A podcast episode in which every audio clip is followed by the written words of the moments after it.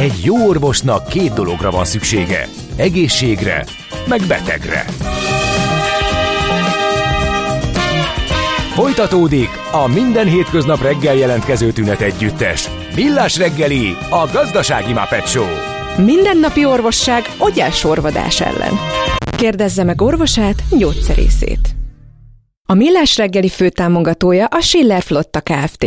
Schiller Flotta is rendtakár. A mobilitási megoldások szakértője a Schiller Autó tagja. Autók szeretettel. Jó reggelt kívánunk, megyünk tovább a Millás reggelivel itt a Rádió Café 98.0-án, csütörtök reggel, ez a csütörtök július 13-ára esik.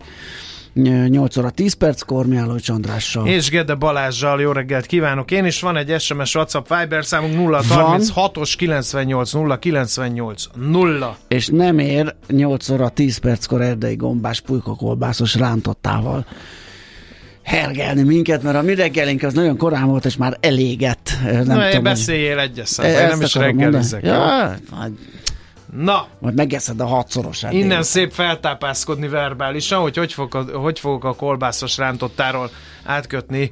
Hát veszélyes a, a lehet például jól lakottan Igen. a vízben fürdőzni, úszni, mert az is okozhat problémát, de még sok minden más egyéb is, úgyhogy körülnézünk, hogy mennyire is veszélyes is a vízparti nyaralás. Bagyó Sándor lesz a segítségünkre, a Vízimentünk Magyarországi Szakszolgáltának elnöke. Jó reggelt, szervusz! Jó reggelt, jó reggelt. No, hát benne vagyunk már a szezonban, eddig mik a benyomások? Kezdjük talán egy teljesen friss uh, hírrel, uh, mennyire vagyunk körültekintőbbek, mennyi munkátok van, stb. stb. Ez mind érdekes lehet. Hát ez a hét szomorúan kezdődött hétfőn, Balatongyörökön egy vízi biciklire uh, vágyott egy, egy család, és egy négy éves kislány és egy hét éves kisfiú, valamint a 40 év körüli apuka bérelte ki már napokon keresztül különben, de azon a napon egy erősebb szél volt, és ezt nem mérte föl apuka helyesen. A 7 éves kisrácra nem kért mentőmellényt, a 4 éves kislányom volt, fürödtek, és az erős szél elsodorta a kisfiútól és az apukától a vízibiciklit, és gyakorlatilag nem bírtak visszamenni, apuka próbált segíteni a fiának, de nem nagyon sikeredett, mert itt jönnek a problémák, amikor nem vagyunk kellőképpen felkészültek, és elhiszük magunkról, hogy képesek vagyunk egy ilyen dologra. Ma a kisrácom lett volna mentő mellény, akkor, akkor nem lett volna tragédia. A közelbe tappozó egy páros vették észre, hogy baj van, a kisfiút ki tudták menteni, tapuka pedig már menthetetlen volt, úgyhogy ő elmerült. Igen, és hiába hívjuk fel a figyelmet mi is, meg gyakorlatilag minden sajtótermék arra, hogy hogy ez egy veszélyes üzem, évről évre mindig van e, sajnos e, haláleset. Egyébként a trend az ilyen növekvő, csökkenő, vagy ilyen stabilan magasan van, vagy, vagy hogy érzékelitek? Hát alapvetően azt tudni kell, hogy a vízbiztonságért nagyon sok szervezet és nagyon sok uh, infrastruktúra segít bennünket a Balatoni vízi rendészettől kezdve a viharjelző rendszeren át a, az összes strand kijelölése, strandbóják, táblák, tájékoztató, prevenció, minden, minden, minden, minden itt van. Ezzel együtt az egyéni felelősség kérdése, ez az, ami kiszámíthatatlan, és ebből adódóan a számok is így váltakoznak. Vannak évek, nagyon jó éveket zárunk, ha lehet így mondani. Jó évek, hát hogyha egy halott van már, az is sok de gyakorlatilag vannak évek, amikor 10 alatt marad a Balatonnak az, az ilyen jellegű szomorú statisztikája, vannak évek, amikor 10 és 20 között van. Uh, nyilvánvaló a, a, a rendszerváltás előtti és a rendszerváltás környék években voltak azért ennél durvább, sőt 40-50 körüli számuk is voltak, de térjünk vissza a dolog lényegére, tehát van munkánk, de összességében azt kell mondjam, hogy a vízben tartózkodni az egyéni felelősségnél kezdődik. Tehát mindig azt kell megvizsgálnunk, egyénileg, őszintén saját magunknak föltéve a kérdést, hogy aznap, nem tegnap, nem holnap, aznap képes vagyok-e, megvan -e ehhez a megfelelő fizikai, lelki állapotom, fit vagyok-e aznap, és annak megfelelően kell nekünk a feladatot, feladatot gyakorlatilag a vízben létet megoldanunk. Hát ezt senki Illetve nem gondolja, gondolom, még a víz, gyanítom. A, a víz mienségét is, tehát miután magammal tisztában vagyok, azt is fel kell mérnem, hogy az adott vízben fürödhetek-e, használhatom. Az adott körülmények, az adott körülmények, fúj a szél, nem fúj a szél, milyen irányú szél van, milyen hullámmagasság van, én aznak mire vagyok képes, és ne felejtsünk el egy nagyon-nagyon-nagyon-nagyon fontos dolgot, itt, itt van a legnagyobb, hát hogy mondjam, probléma, a magyarországi belvizek túlnyomó része nem áttetsző. Tehát, hogyha valaki Igen. elmerül, mint például ennél maradjunk a, hév, a hétfői esetnél, elmerül, azonnal elmerül úgy, hogy soha többet nem látjuk, hogy hol van. Esélye nincs a környezetében lévő akár vízimentőknek, akár civil segítőknek, hogy lássák, hogy hol van. Igen, ezt, pont e, emiatt. ezt akartam kérdezni, hogy, és ez egy nagyon fontos ismérv, és ezt nem győzzük elégszer elmondani, de a, de a te szádból szeretnénk hallani, mert te értesz hozzá, hogy, hogy a fuldoklás, az, arról van egy hamis, fals képe az átlagembernek, hogy valaki integet a kezével, és kiabál, hogy segítség, segítség, majd elmerül, majd följön, megint így kiabál, és integet a kezével, segítség, segítség. E, ez hogy néz ki a, a gyakorlatban? Csak, csak ez azért fontos, tudom, hogy sokkoló ez így reggel egy rádióhallgatónak, de, de azért, hogy, hogy felismerjük e, mi, mert én hallottam olyan eseteket, hogy a környéken fürdőzők nem vették észre egész egyszerűen, hogy bajban van ott valaki. Az eseteknek a legnagyobb részében, mondhatnám azt, hogy többi 80%-ban egyszerűen nem, nem, nem jár hanghatással, nem jár semmiféle teátrális mozdulattal. Egyszerűen csak arról van szó, hogy az ember nyel egyet, nyel kettőt, de akkor már szólni se tud, uh-huh.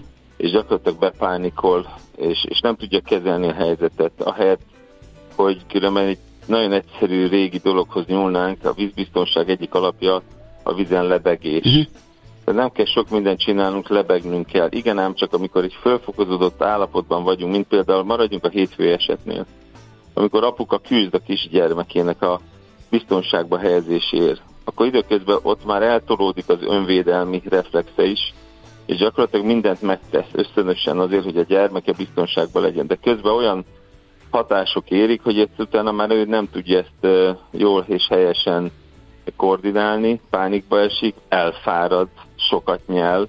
Tehát sajnos ebben az esetben pláne nem volt segítségkérés, nem volt kiáltás. Az volt a szerencse a kisfiú esetére nézve, és nem az apukájára sajnos már az övé tragikus véget ért, hogy ott a szaposok észrevették, hogy apuka küzd, de ak- az sem, akkor sem kiáltásokkal, hanem látták, hogy itt valami nem stimmel, és oda mentek, és a kisfiút ki tudták kapni.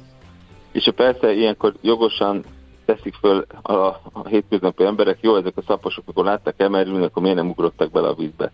Kérem szépen azért, mert nem vízimentők, és mm. aki nem vízimentő, az ne ugorjon a vízbe, mert dupla, akár tripla tragédia is lehet. Tehát mi mindig azt mondjuk, csak az adja a fejét mentésre, aki pontosan tudja, hogy mit csinál, viszont ebben az esetben a szaposok megpróbáltak segíteni, mert egy evezőt oda nyújtottak, de ezt már az első félben lévő férfi ember nem tudta megfogni. E, nyilvánvaló, hogyha egy vízimentő van ott a környéken, vagy éppen látja, hogy mi történik, akkor ő neki a képzettségből adódóan nem csak, hogy lehetősége, hanem kötelessége után ugrani, és ehhez megvan a megfelelő képzettség, és megvan a megfelelő fizikum, akkor gyakorlatilag meg lehetett Igen, volna, azért is veszélyes, mert a fuldokló ugye aztán ösztönszerűen úgy ráfoghat, rányúlhat a Ez a igaz mentő. egyébként? Mert hogy én, én is... ennek szemtanúja voltam kamaszkoromban. Hát a, a most is zajló tanfolyamainkon az egyik leghangsúlyosabb feladat, amit meg kell tanítanunk az újoncokkal, az a szabaduló fogások. Ezt nagyon komolyan kell venni, erre megvannak a, a, az eszközeink, illetve megvannak a megfelelő fogásaink, oktatásaink, módszereink arra, hogy ezt nagy biztonsággal elsajátítsák a hallgatók. Én például ennek az egyik, hogy mondjam, e, nagymestere vagyok ennek a, ennek a játéknak, mert ez, ez valahol egy játék is, és ez a lényeg, hogy ezt úgy kell megtanítanunk, hogy zsigerből, behunyott szemmel, ez egy mozgáskultúrára épül, különben nagyon közel áll a távol-kelet is védősport, küzdősportoknak a mozgásához. Gyakorlatilag ugyanarról beszélünk, csak itt az a lényeg, hogy mi nem támadunk, hanem szabadulunk, és azt se felejtsük el, hogy vízben pedig teljesen más fizikai hatások érik. Tehát nem okozunk ezzel sérülést a bajba jutottaknak, viszont azonnal tudunk szabadulni, és egyfajta szállító fogásba tudjuk utána Igen. stabilizálni, és már tudunk úszni kifele a part fele, úgy, hogy a feje gyakorlatilag ne legyen a víz alatt. Tehát ezek, ez, ez, ezt tanítjuk gyakorlatilag Igen. a folyamokon. Néhány kérdést hadd tegyünk fel. A folyó vagy a tó veszélyesebb? Mert rengeteg szabad vízfelület van Magyarországon, nyár van, meleg van, mindenki igyekszik hűsölni itt-ott, amott, ahol éppen ráérik. Hol kell különösen fokozottan óvatosnak lennünk? Ha nem vagyunk felkészültek, mindegyik egyformán veszélyes. Nyilvánvaló ettől függetlenül a folyók, ahol nagy folyások, sodrások vannak, értelmszerűen ezek a területek a veszélyesebbek. Uh, mi, fürdőzés közben, vagy vízisport közben? Vagyunk nagyobb veszélybe a tapasztalatok szerint. Ez meg azért hát fontos kérdés, mert hogy sok hírben benne van, lám a most például hozott esetben is egy vízi sporteszköz mi a közelébe történt a baleset. Nem, nem, nem, nem, nem, nem. Az egy fürdőeszköz, strandeszköz. Fürdeszköz. A vízi bicikli uh-huh. nem, még véletlenül se sporteszköz. A sporteszköznél meg azt gondolom, hogyha felkészültek vagyunk, és tényleg korrektül állunk a feladathoz, akkor ott fölkészülten megyünk. Tehát felveszünk egy minimum egy sportmellényt. Ugye a uh-huh. Az a vizen lebegésben segít, nincs galléria, ettől nem mentő mellény, viszont sportoláskor azért az esetek többségében ezt látom, hogy viselik a, a sportolók, illetve neoprén ruházatot, ugye a hőártalmak ellen is véd, és egyben fenn is tart bennünket, de egy fürdőeszköznél pont ez a csalóka. Egy felfújható unikornistól kezdve a vízibiciklinál, át mindenféle badalság, amit én megmondom hogy azért annyira már nem szeretek 34 év vízimentés után. Ezzel együtt ez van, létezik, és hát sajnos azt kell mondjam, hogy ezeket, ezeket is lehetne kevésbé veszélyesíteni, mert nem az eszköz veszélyes, és ezt hangsúlyozni kell, nem az eszköz veszélyes. Mi magunk vagyunk önmagunkra veszélyesek, mert az ehhez szükséges kiegészítő felszereléseket, vagy egy úszás segítő mellényt, vagy egy karúszó a gyereknél, vagy egy mentő mellényt miért nem hordunk, miért nem vesszük föl, miért derogál ez bennünket? Uh-huh.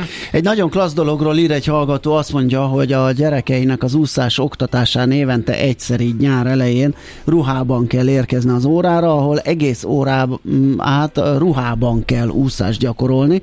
Pontosan azt szeretnék, hogy a gyerekek megtanulják, milyen, amikor ruhástól a vízbe esnek, és miként kell rá reagálni, fennmaradni a vízen, pihenni, kiúszni a medencéből. Ez azt hiszem, ez egy nagyon hasznos. Igen, ez és... egy örvendetes dolog, és nyilvánvaló az úszás tartó szakember nagyon helyesen látja, mert ez egy nem hétköznapi eset. Igen. De igenis, aki jó úszással bír, annak ezt is tudni kell, mert akkor tudja a saját kapacitását.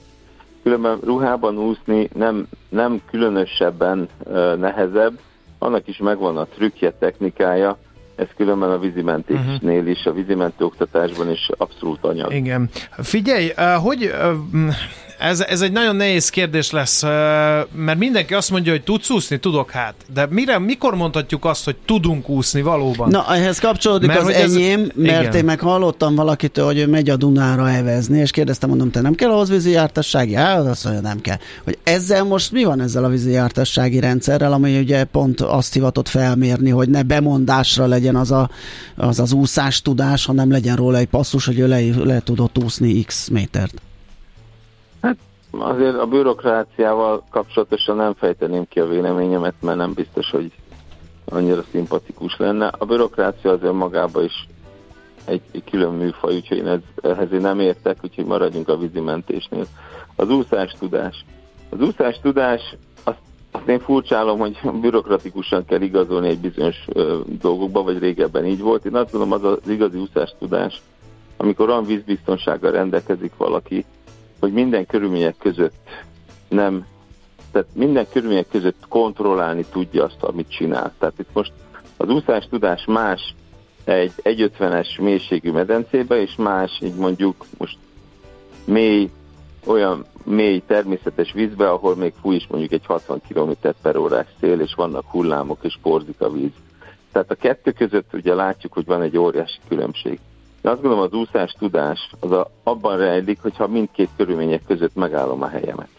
És ezt hogy tudunk erről meggyőződni? Mert közben meg a Balatonnál is nagyon változékony tud lenni az idő.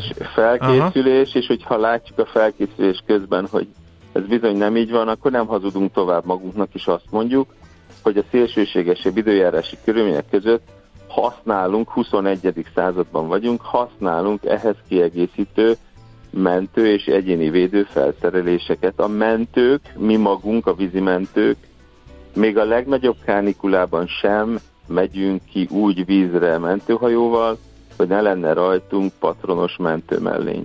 Rossz időben száraz ruhákat is viselünk, úgynevezett trokkeneket, amelyek teljesen védenek bennünket a hőártalmaktól. Tehát a professzionális oldalon állók tudják, hogy nem James Bondok, azok csak a filmekben vannak, ezért használják az egyéni védőfelszereléseket, és ez ugyanúgy a laikusoknak a hétköznapi fürdőzésben, pancsolásban ugyanúgy a rendelkezésükre áll. A szilbulanc kicsi rácsatolható derékövtől kezdve a különböző sportmellényeken át a akár még a felfújható, általán nem annyira kedvelt úszás segítő, de vízben a lebegés segítő eszközökön át mindent meg lehet kapni a kereskedelemben, és ezen fölül van egy kampányunk, most már hét balatoni uh, helyen, uh, ingyenes, közösségi használatra kirakott mentőmellény nyálványaink vannak, oda megy, használja, felveszi, a végén visszateszi. Tehát én azt gondolom, hogy csak a felkészülés az, ami, ami a probléma, és az, hogy hazudozunk magunknak, mm. hogy mhm. mi mire vagyunk képesek.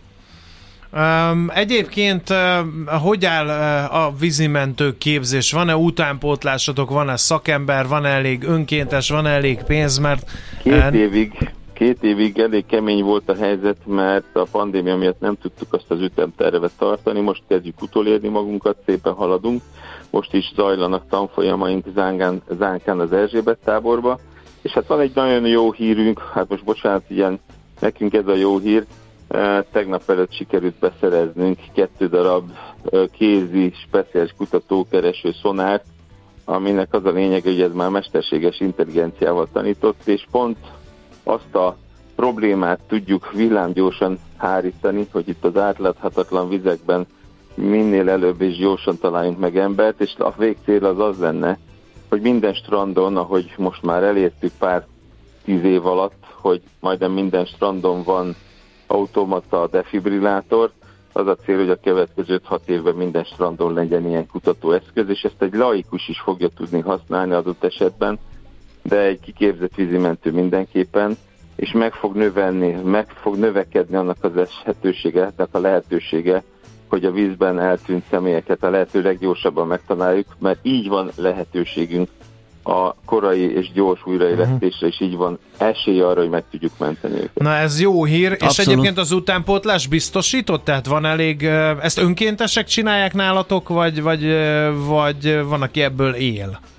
Vagy legalábbis a szezon alatt kap Mert akkor mit csinál télen, ugye? Szezonális, inkább maradjunk annyiban, hogy önkéntessége Magyarországon még azért messze vagyunk tőle, mert azért az átlagemberek anyagi feltételrendszere nem feltétlen van még azon a szinten de alapvetően a nyári időszakban időszakos, tehát ez a szezonális munkára invitáljuk a fiatalokat, és mostanra utolértük magunkat, mert a két év kiesésből adódó hát emberhiányunkat azt már sikerült leküzdeni. Hogy álltok anyagi szempontból, mert az sem, az sem könnyű helyzet ma az országban.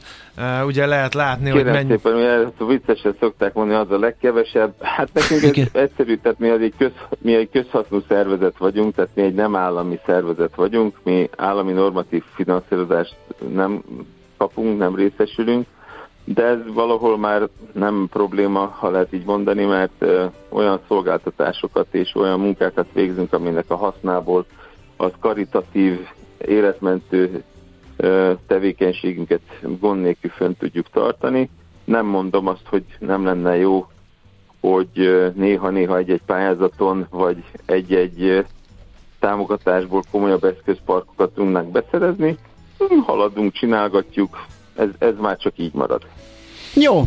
Jó, hát nagyon szépen köszönjük, köszönjük a szépen. beszélgetést, nagyon Voltak. elgondolkodtató volt, és reméljük nem csak minket gondolkodtatott el, hanem számtalan rádióhallgatót is. Nagyjából fél időben van a szezon, úgyhogy óvatosan és körültekintően. Nektek meg hát mi más kívánhatnánk, hogy minél kevesebb munkátok legyen. Köszönjük, mindenki vigyázzon magára. Köszönjük Köszi, szépen, szervusz. szép napot! Szervusztok! Bagyó Sándor, a Lovizimentők Magyarországi Szakszolgálatának elnökével beszélgettünk.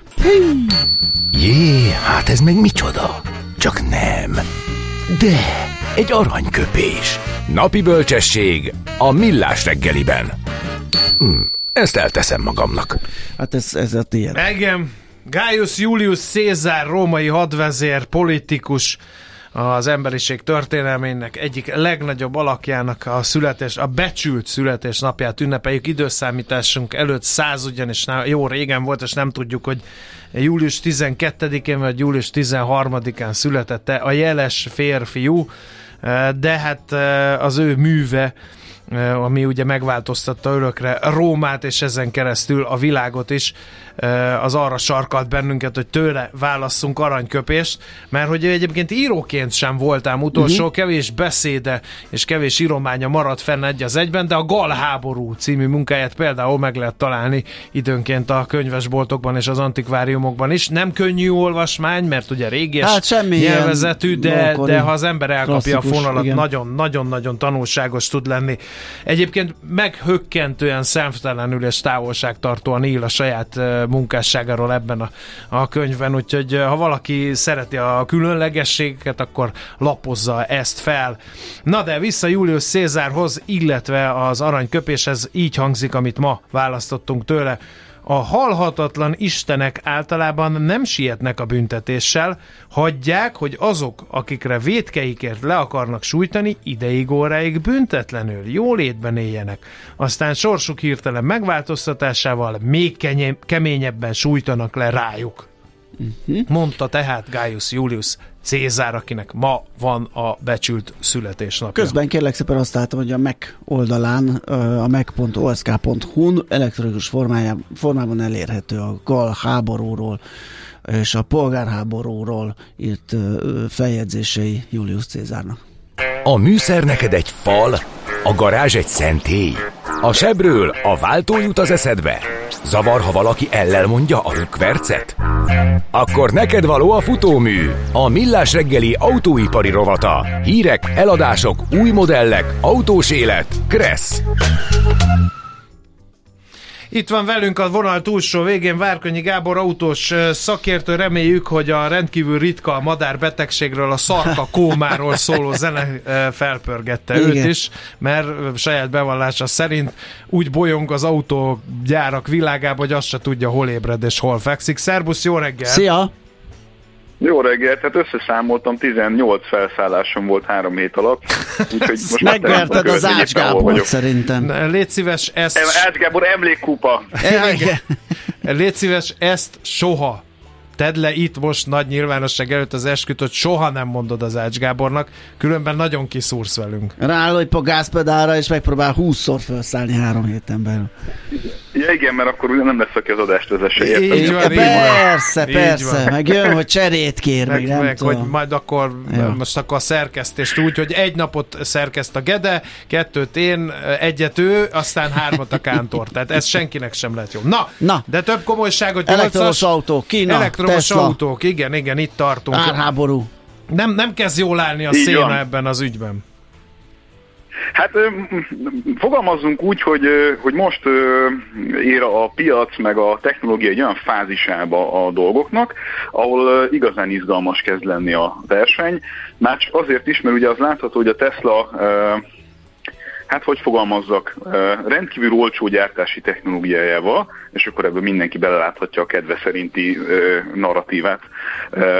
Hát elég és eléggé megizzasztja még a kínaiakat is, ami egyébként szerintem egy dicséret bizonyos értelemben, mert azt jelenti, hogy tényleg annyira a minimumra redukálták a költségeket és a maximumra hát profitot az üzleti modellben. Gábor, hogy... ezt azért ízlelgessük, a kínaiakat árba nagyon verni. Hát azt nem mondtuk, hogy agyonverik, illetve Jó, azt nem hát... mondanám, hogy agyonverik.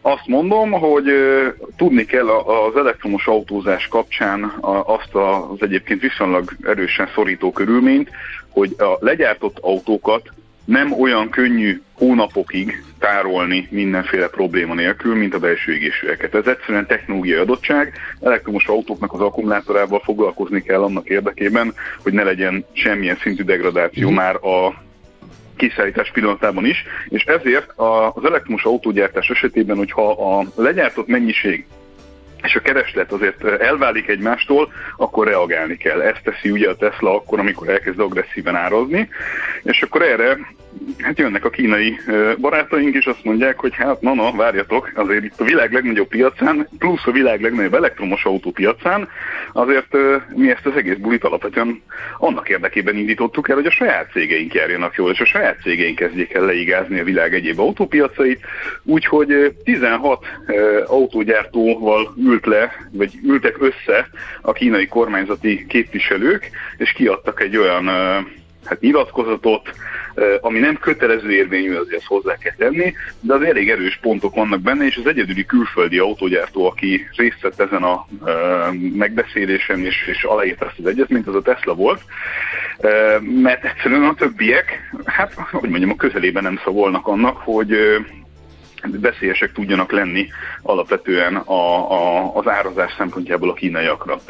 Na, a, a, az öt pontból azért felolvasok ötöt, mert nem olyan nagyon hosszú, ám de nagyon tanulságos. Aha, Úgy kezdődik a nyilatkozat, hogy abnormális árazással ne befolyásolják a piacot a felek, ragaszkodjanak a napi működésükben az iparági standardokhoz és szabályozásokhoz.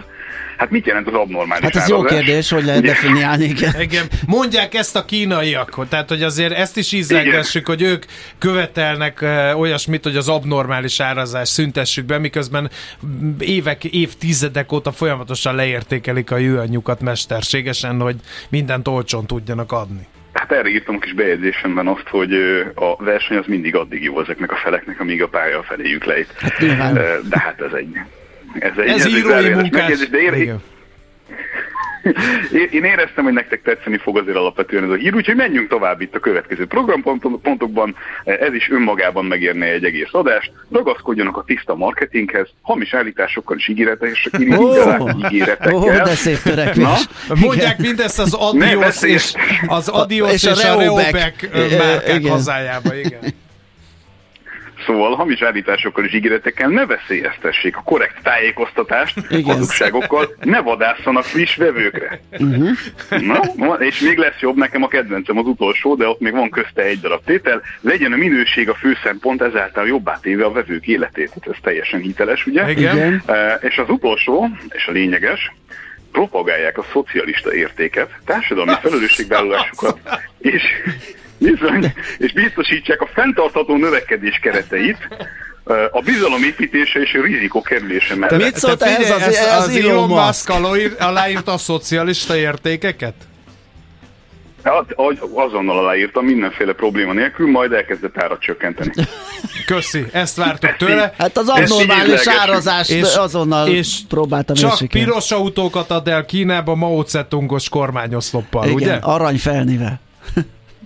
Ja, ha jut eszembe a kormányoszlopról, azt tudjátok, hogy a jobboldali közlekedésre hivatott autókat, azokat nem lehet tovább rendelni, úgyhogy adtak egy Reacher nevű eszközt a Teslákhoz, ami arra való, hogy a parkolási jegyet ki tud venni a másik oldalról.